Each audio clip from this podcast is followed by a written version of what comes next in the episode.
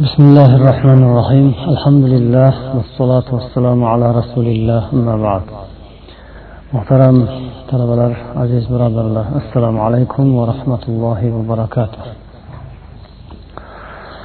الله كحمد سنة في غمبرية صلاة الدعاء بلان شو عقيدة تحوية دان كان درسنا زمن دوام الترامس وشوش كان سفر بز بو درسنا mumitun bila maxafatin baisun bila mashaqqatin degan matniga kelib to'xtagan edik alloh taoloning sifatlari haqida so'z borayotgan edi. mumitun bila maxafatin ya'ni alloh taolo hech bir qo'rquvsiz o'ldiruvchidir va biror bir mashaqqatsiz qiyinchiliksiz yana qaytadan tiriltiruvchidir. Ya'ni alloh taolo o'zini yaratgan maxluqotu mavjudotlarini ma'lum bir muddat bilan ularga bir muhlat bilan umr ato qilib yaratgan shu muhlat muddati tugagan vaqtida ularni o'ldiradi vafot toptiradi. O'lim ham bu alloh taolo yaratgan maxluqotlaridan biri. U xohlagan paytda o'ldiradi xohlagan vaqtda tiriltiradi. Lokin bu biron bir qo'rquv bilan emas shunga muhtoj bo'lib qolgani uchun emas balkim allohni o'zini hikmati o'ziga ma'lum bo'lgan chuqur bir hikmat bilan vaqti soati bilan bu ishni amalga oshiradi. Tiriltirishda ham hech qanday mashaqqatsiz xohlagan paytda tiriltirishi mumkin. Har lahzada alloh taolo minglab millionlab maxluqot mavjudotlarni yaratayotgan dunyoga keltirayotgan zot. Bir marta yaratgan zot yana qaytadan yaratishi hech narsa emas balkim agar dunyoviy o'lchov bilan o'lchanadigan bo'lsa birinchi marotaba yaratish bu qiyin bo'lardi. Qur'oni karim yosin surasida ham birinchi bor yaratgan zot uni qaytadan yaratadi deb ya'ni alloh taolo bir marta mana yaratganligini bizga hujjat dalil qiladi. Buni qaytadan yaratish hech gap emas. Odatda ustalar yer yuzidagi insonlar ham birinchi marotaba bir ishni ixtiro qilib o'rganib olganlaridan keyin uni qaytadan yasash qaytadan uni nusxasini ko'chirib yaratish bu oson ish bo'lib qoladi. Birinchisi qiyin bo'lsa agar birinchisi qiyin bo'lardi. Alloh taolo hech bir qiyinchiliksiz mashaqqatsiz yaratadigan tiriltiradigan zotdir. Maxluqotlar insonlarni yaratishi esa nuqson bilan bo'ladi. Allohniki esa o'zi xohlaganday bo'ladi. Inson hech qanday hech qachon birinchi marotaba barpo qilayotganda ixtiro qilganda yaratayotganda o'zi xohlaganday mukammal tarzda oliy tarzda yaratolmaydi balkim vaqti vaqti bilan keyin o'sha yasagan ixtiro qilgan narsasi taraqqiy topib asta asta mukammallashib boradi mana dunyoda yaratilgan turli xil asboblar olib ko'ring moshina yoki bo'lmasa samolyot shunga o'xshagan narsalar boshidanoq birdaniga hozirgi kunda ko'zingiz ko'rib turgan tarzda mukammal nisbatan mukammal tarzda yaratilgan emas. Boshlab eng sodda oddiy ibtidoiy ko'rinishda yaratilib keyinchalik u takomillashib takomillashib boradi va dunyo mavjud ekan inson bu dunyoda hayot kechirayotgan ekan uning ishlari mana shunday ixtirochilik amallari ham tobora takomillashib mukammallashib boradi. Avvalgisi ko'zga sodda ko'rinib qolaveradi. Avvalgisi oddiylashib keyingisi taraqqiylashib boradi. Ammo alloh taolo esa insonni yoki boshqa bir maxluqot mavjudotni yaratgan ekan avvalida sodda qilib yaratib qo'yib undan keyin uni yog'ini ziyoda qilib buyog'iga qo'shimcha qo'shib rivojlantirib taraqqiy toptirib keyin keyin shu tarzga olib kelib emas.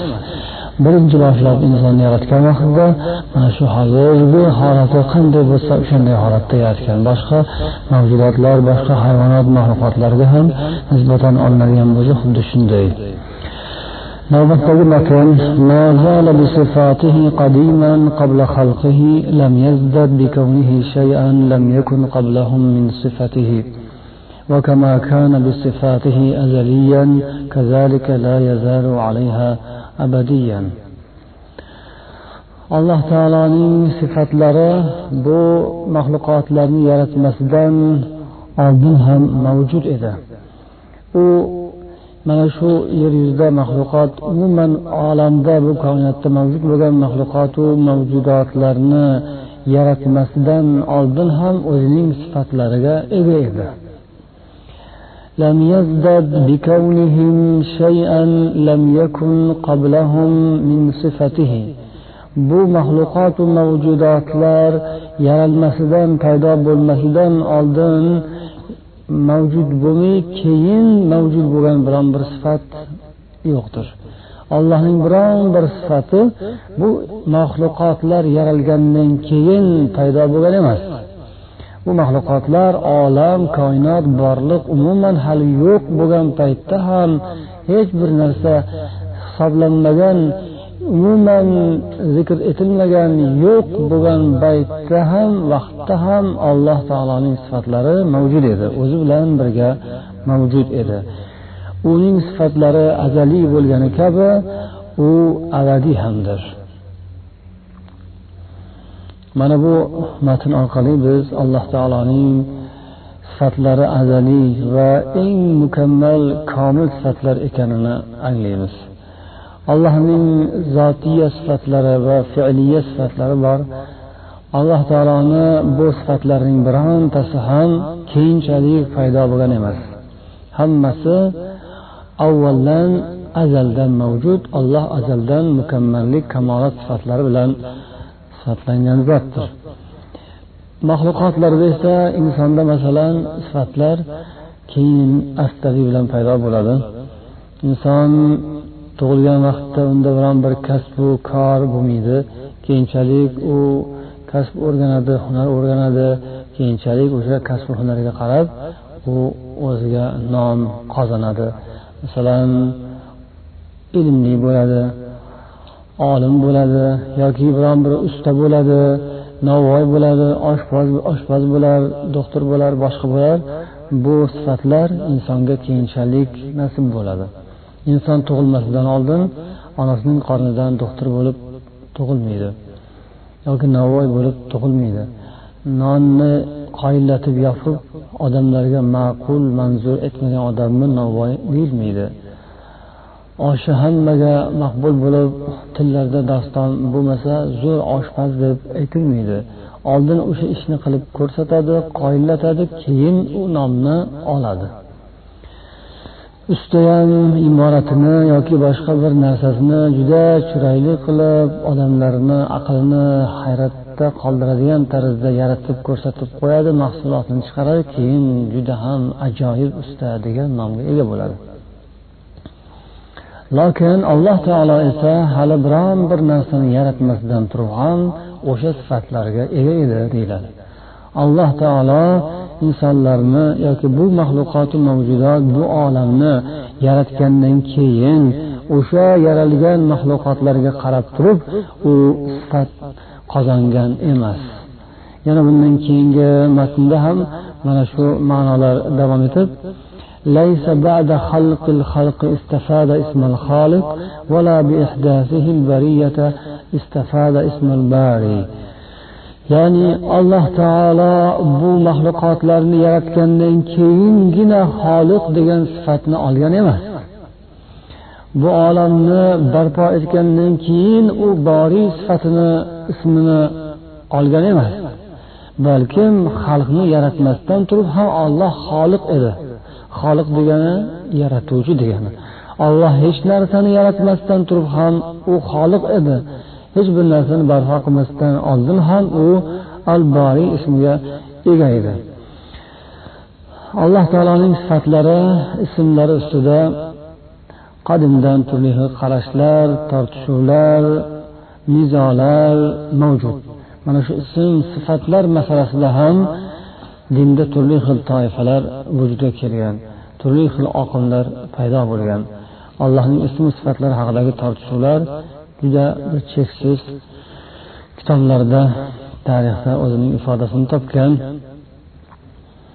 Lokin biz ahli sunna va jamoa mazhabiga mansub kishilar allohning ismu sifatlari haqida ana yuqoridagi aytganimizni deb o'sha so'z bilan boshlab bundan buyoqda hali bu navbatdagi darslarda va yana o'z vaqti soati bilan allohning sifatlari haqida aytiladigan so'zlarda inshaalloh eslab o'tiladi. Alloh taoloning fe'liya sifatlari ya'ni yaratish shakl berish o'ldirish tiriltirish istivo degan yana sifatlari va kelish tushish g'azab qilish rozi bo'lish. Mana shunga o'xshagan sifatlari borki bu sifatlar bilan alloh o'zini o'zi sifatlagan va payg'ambarimiz umuman payg'ambarlar allohga shu sifatlarni berishgan olloh o'zi o'rgatgan ularga bularni biz mohiyatini haqiqatini idrok qila bilmasak ham ammo biz o'z fikrimiz bilan aqlimiz bilan uning mohiyatini anglashga urinmaymiz kirishmaymiz. Balkim aytamizki alloh taolo o'zi nimaiki murod etgan bo'lsa o'sha murodi bilan biz qabul etdik. Olloh buni qanday degan bo'lsa biz shunday dedik. Uning kayfiyati mohiyatini esa tasavvur qilmaymiz. Imom molik rahimaullohdan oyati haqida arof surasining ellik to'rtinchi oyati haqida so'ralganda kayfa istava deb savol berishgan ekan. Ya'ni bu istivo lug'atga qaralsa barobarlashdi egalladi ustiga chiqdi. Shunga o'xshash buni lug'atda ma'nolarini aytishgan ammo uning kayfiyati esa noma'lum. Bu nima degani deb so'rashganda imom molik al istivau ma'lumun val kayfu majhul والسؤال عنه بدعة deb javob bergan ekanlar istivo bu lug'aviy ma'nosi ma'lum lakin kayfiyati majhul bu haqda savol qilish esa bid'atdir dedilar ya'ni uning kayfiyati qanaqa qanday qilib uni tasavvur qilamiz deb savol so'rash bu bid'at ya'ni bu shariatda bo'lmagan savol. Bu oldin ustozlarimizda salaflarimizda sahobiy tobeinlarda bo'lmagan savol. Demak buni shundoqcha qabul qilamiz va uning kayfiyatini allohni o'ziga havola etamiz. Yana shunga o'xshab allohni g'azab qilishi allohning kulishi rozi bo'lishi degan sifatlar ham borki buni ham hech bir narsaga maxluqqa va insonga tashbih etmasdan o'xshatmasdan allohning o'ziga xos bir sifat deb aytamiz. Alloh taolo bu sifatlari bunday qaralsa bir vaqtda sodir bo'ladigan ma'lum vaqtda sodir bo'lib ma'lum vaqtda sodir bo'lmay turadigan holatga o'xshaydi. Masalan g'azab. hamma vaqt ham u darg'azab holda emas. Shafoat haqidagi hadisda keladiki qiyomat kunida payg'ambar sollallohu alayhi vasallam aytadilar إن ربي قد غضب اليوم غضبا لم يغضب قبله مثله ولن يغضب بعده مثله robbim bugun shunday qattiq g'azablandiki bungacha hali hech qachon bunday g'azablangan emasdi. Va bundan keyin ham hech qachon bunday g'azablanmaydi deydilar qiyomat kunidagi holat bu. Bu allohning g'azabi demak bir ma'lum bir holatda paydo bo'lgani bo'lishini ko'rsatadi. Yoki bo'lmasam uning gapirish kalom sifati ham shunday. Biz buni alloh taolo xohlagan vaqtda gapiradi xohlagan vaqtda demak g'azab qiladi. Xohlagan paytda alloh taolo xohlagan ishini qiladi deymiz. Ammo ba'zi bir toifalar esa alloh taolo ma'lum bir muddat ma'lum bir amalga qodir emas edi. U keyinchalik shu narsaga qodir bo'lib qoldi deydiganlar ham bor ekanlar.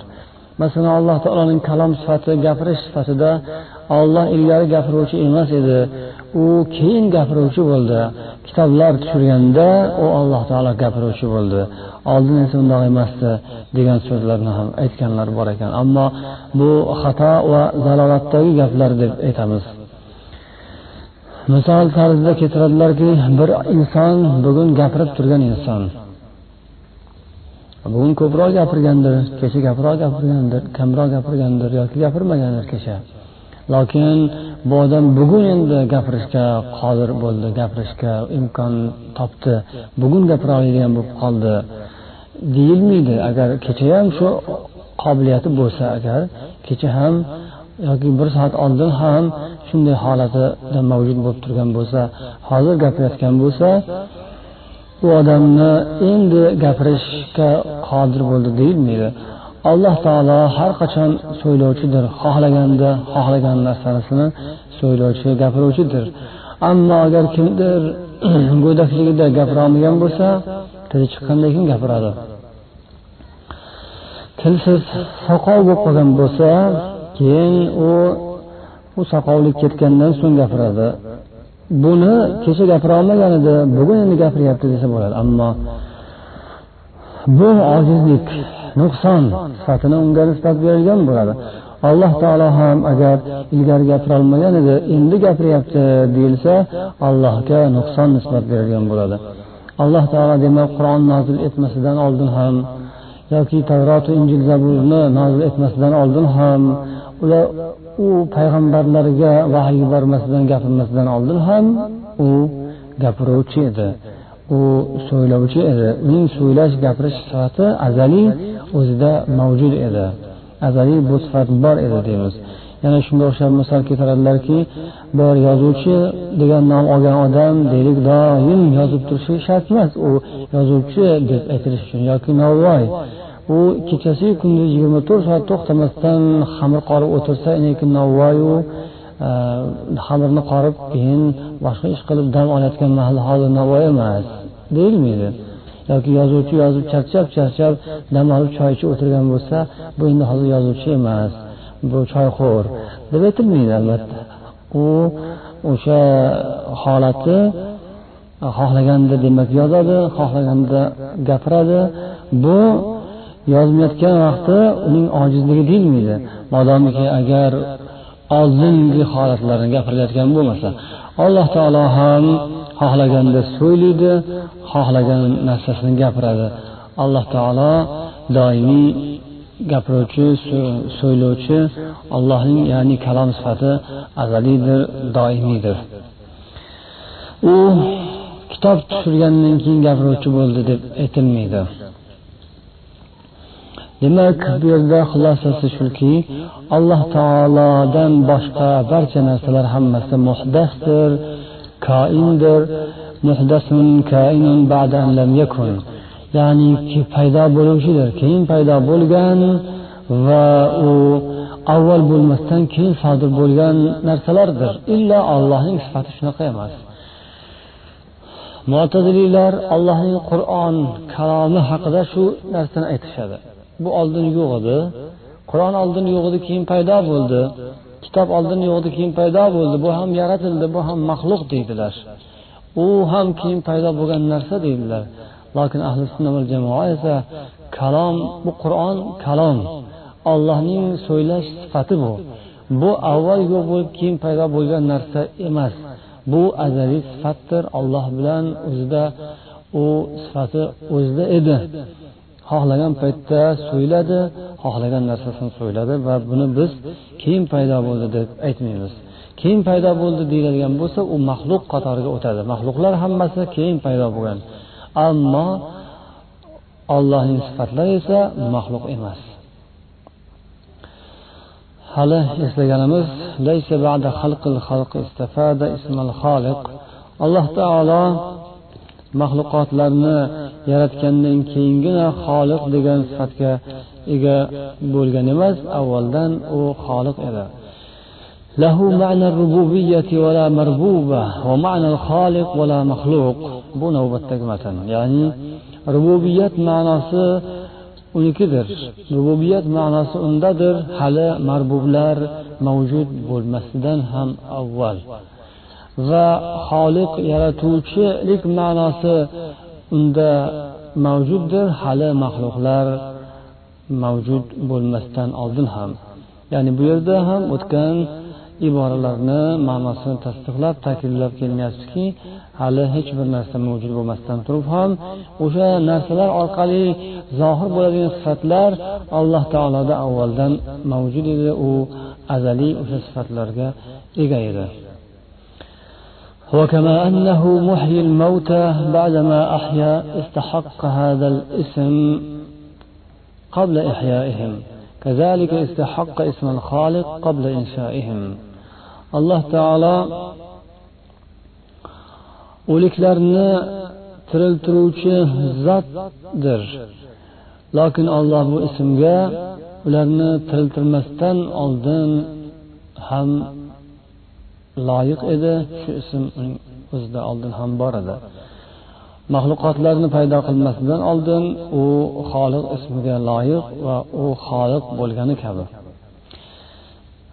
ذلك بأنه على كل شيء قدير وكل شيء إليه فقير وكل أمر وكل أمر عليه يسير لا يحتاج إلى شيء ليس كمثله شيء وهو السميع البصير bu navbatdagi matn.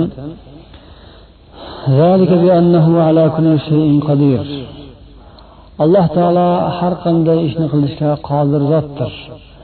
Barcha narsa unga ollohga muhtojdir. Har qanday ish allohga yengil osondir. U hech narsaga muhtoj emasdir. Unga o'xshash hech bir narsa yo'qdir.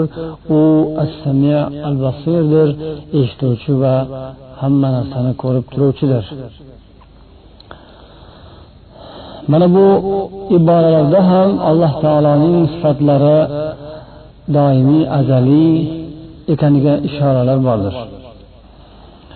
Mo'taziliylar esa bu ma'nolarga qarshi o'laroq allohning sifatlari haqida noto'g'ri so'zlarni gapirdilar.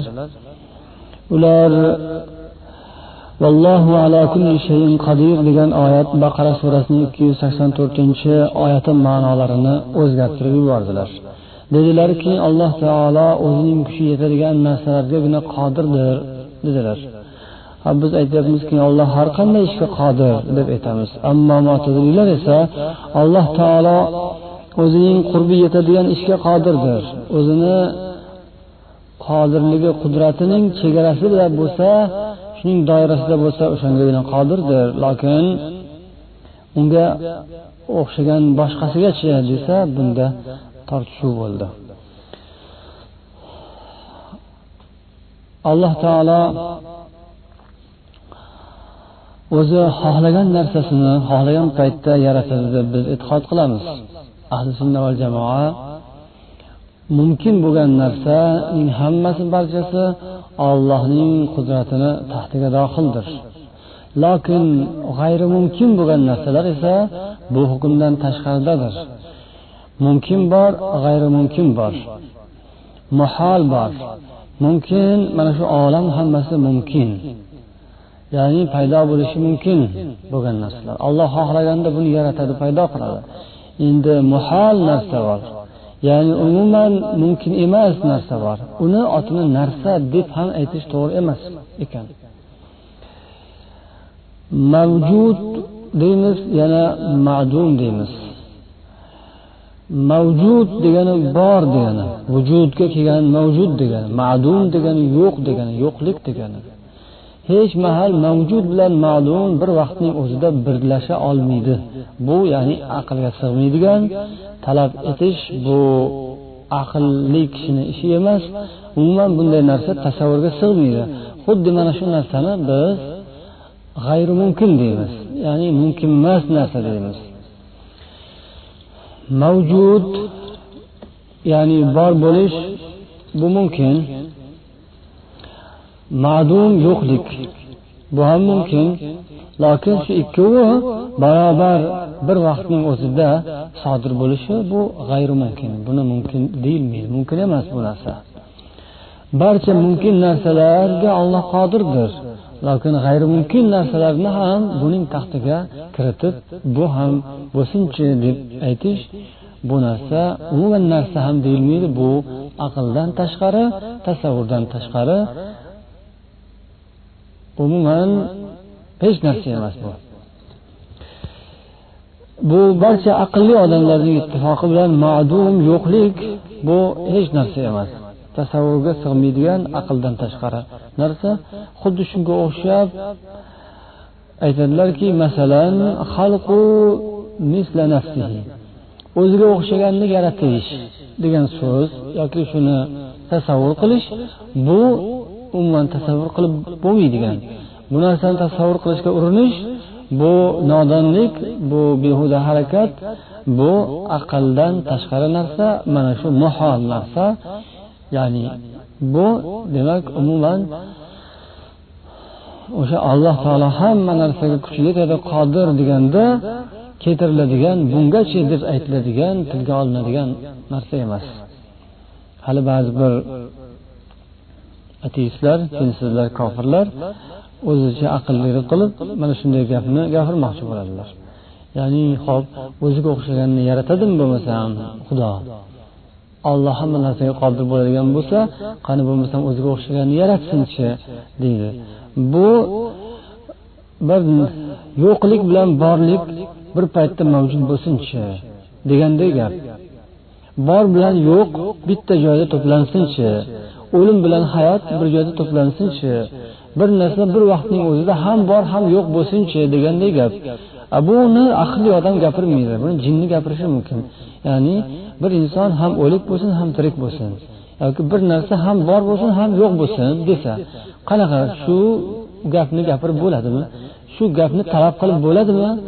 Bu aqldan tashqari umuman tasavvur qilib bo'lmaydigan umuman gapirib bo'lmaydigan narsa. Xuddi shunga o'xshab bu muhol dedik o'sha muhol bo'lmaydigan gapirib bo'lmaydigan xayolga keltirib bo'lmaydigan ishlar bu olloh har narsaga qodirdir degan narsaga bog'lanmaydi deyilmoqchi bo'ladi. Olloh har narsaga qodirdir xohlagan narsaga qodirdir. Xohlaganini qiladi. U ateist xohlaganini qilmaydi. U ateist bir kofir talab qilsa uni aytganini bajarsinmi? Unda kim xudo bo'ladi? Unda u ateist kofir man xudoman degan bo'ladiku. Mana shunday qilsin desa nima uchun san aytganingni qilish kerak? San kimsan? San xudomisan? San o'zing bir tirraqsan? San o'zing bir kofirsan? Badbaxtsan nima uchun sani aytganing bo'lishi kerak? Xullas ollohning aytgani bo'ladi. Olloh o'zi xohlagan narsasini xohlagan paytda xohlagan tarzda yaratadi. Navbatdagi matn alloh taolo barcha maxluqotlarni o'zining ilmi bilan yaratdi. Bu yerda biilmihining holati bu hol deb sharhlayaptilar ya'ni nasb holatda turibdi. Hol o'rnida. Ya'ni bilgan holda degan ma'noda ekan. Alloh taolo o'zining maxluqotu mavjudotlarini o'zi bilib turib yaratdi. Ya'ni nimani yaratmoqchi qachon yaratmoqchi qanday yaratmoqchi qayerda yaratmoqchi ekanini juda yaxshi bilgan holda yaratgan. Bilmasdan yaratib qo'ygan emas. Kelajakda nimalar mavjud bo'ladi bu dunyoga? Kimlar keladi? Nimalar keladi? Qachon keladi? Qayerda keladi? Qanday keladi? Qanday bo'ladi ekanini bilmasdan yaratgan emas. Hammasini ikir chikirgacha ipidan ignasigacha eng nozik jihatlarigacha nozik tomonlarigacha bilib turib yaratdi deb e'tiqod qilamiz. ألا يعلم من خلق وهو اللطيف الخبير. ملك سورة 14 آيات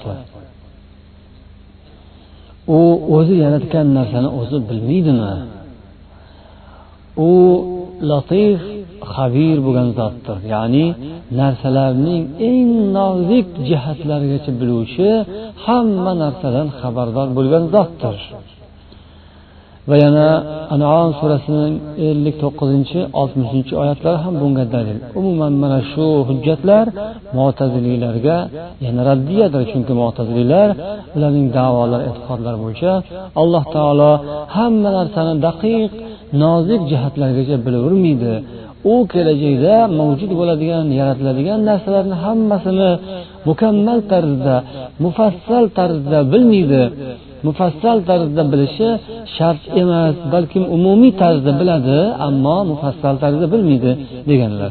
Bu so'zlari bu davolari alloh taoloning alim sifatiga teskaridir.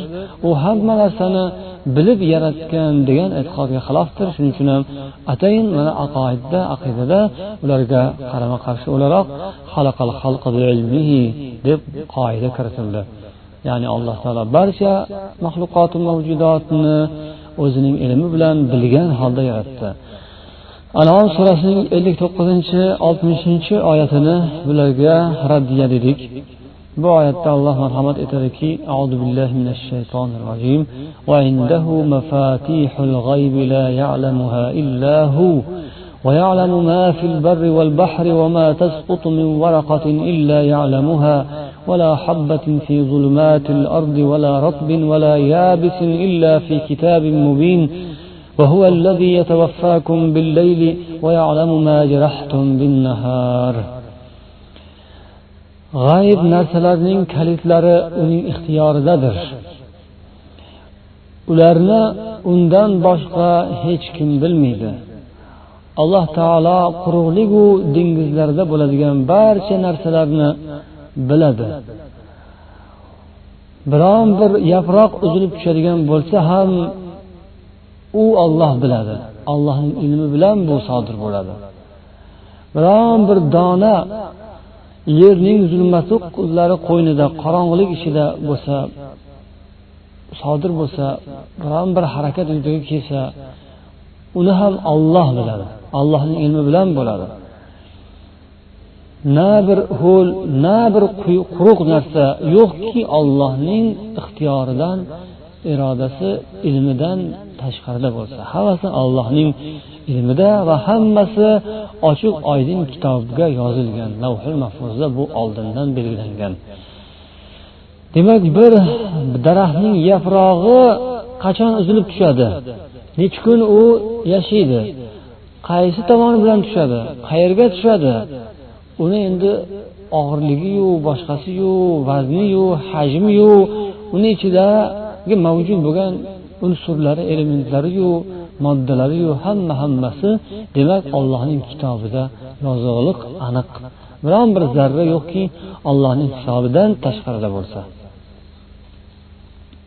Bu gap ham mo'tazillarning da'volariga raddiyadir javobdir. Inson aql bilan agar o'ylab ko'radigan bo'lsachi aql ham taqozo etadiki hech bir narsa hech bir paydo bo'ladigan narsa taxminan paydo bo'lmaydi. Dunyoda inson o'zi masalan yasaydigan narsa oddiy bir qalam desak oddiy bir varoq desak bu hammasi oldindan shularni rejasi chiziladi bularning loyihasi oldindan belgilanadi. Shu oddiy bir kitobni agar oladigan bo'lsak misol qilib bu kitob bosilishdan oldin necha varaqdan iborat bo'ladi necha betdan iborat bo'ladi bu hatto qatori nechta buning har bir varog'i necha grammdan bo'ladi necha millimetr qalinligi kattaligi formasi boshqa boshqasi hamma hammasi aniq tiniq o'lchanib yozilib hamma tomonlama mukammal hisob kitobi chiqarilib keyin bu ishlab chiqarishga beriladi. Oddiy bir qalam ham shunaqa. Uning millimetrgacha aniq bo'ladi. Milligrammigacha aniq bo'ladi. Insonni bu dunyodagi qiladigan ishlarni zarrasi ham shunaqa hisobsiz emas. Alloh taoloning ham bu yaratgan koinotiga bu olamga bu dunyoga tabiatga qaraydigan bo'lsangiz hamma narsa juda ham nozik bir hisob kitob asosida barpo etilganligini ko'rasiz. Ilgari ham biz suhbatlarimizda aytib o'tganimizdek fizikadan ma'lum mana ximiyadan ma'lum narsalar har qanday narsalarning asosini molekulalar uning asosini atomlar tashkil etadi va atomlarni ichida mavjud bo'lgan yana bir ko'zga ilinmas zarralar mm, narsalar maxluqotlar allohning yaratgan maxluqotlari borki ularni elektron deydilar proton neytron deydilar. Bularning hammasi ko'zga ko'rinmas zarralar bo'lsada lokin o'sha xudoga ishonmaydigan olimlar ham shu zarralarni aniq bir hisob kitob asosida mavjud bo'lishini va aniq bir hisob judayam bir daqiq nozik hisob bilan ular harakatda bo'lishi hatto oralaridagi bir birlarini orasidagi masofalar ham aniq o'lchangandek judayam bir nozik hisob kitobli tarzda ular harakatda ekanini gapiradilar. Buni din olimlari emas balkim fan olimlari aytadilar. Buni o'zi ko'rinib turibdiki hayot dunyo koinot hisob kitobsiz emas. zarrasigacha hisoblangan. Ko'z bilan ilg'ab bo'lmaydigan narsalargacha hammasi o'sha ko'z bilan ko'rib bo'lmaydigan elektronu neytron protonlargacha hatto orasidagi masofalargacha o'lchab qo'yilgan. Bundan ko'rinadiki alloh taolo hamma narsani o'z ilmi bilan bilgan holda yaratgan ekaniga bu aqliy hujjatdir. Naqliy hujjatlarimiz esa ana yuqorida oyatlardan hadislardan o'tdi.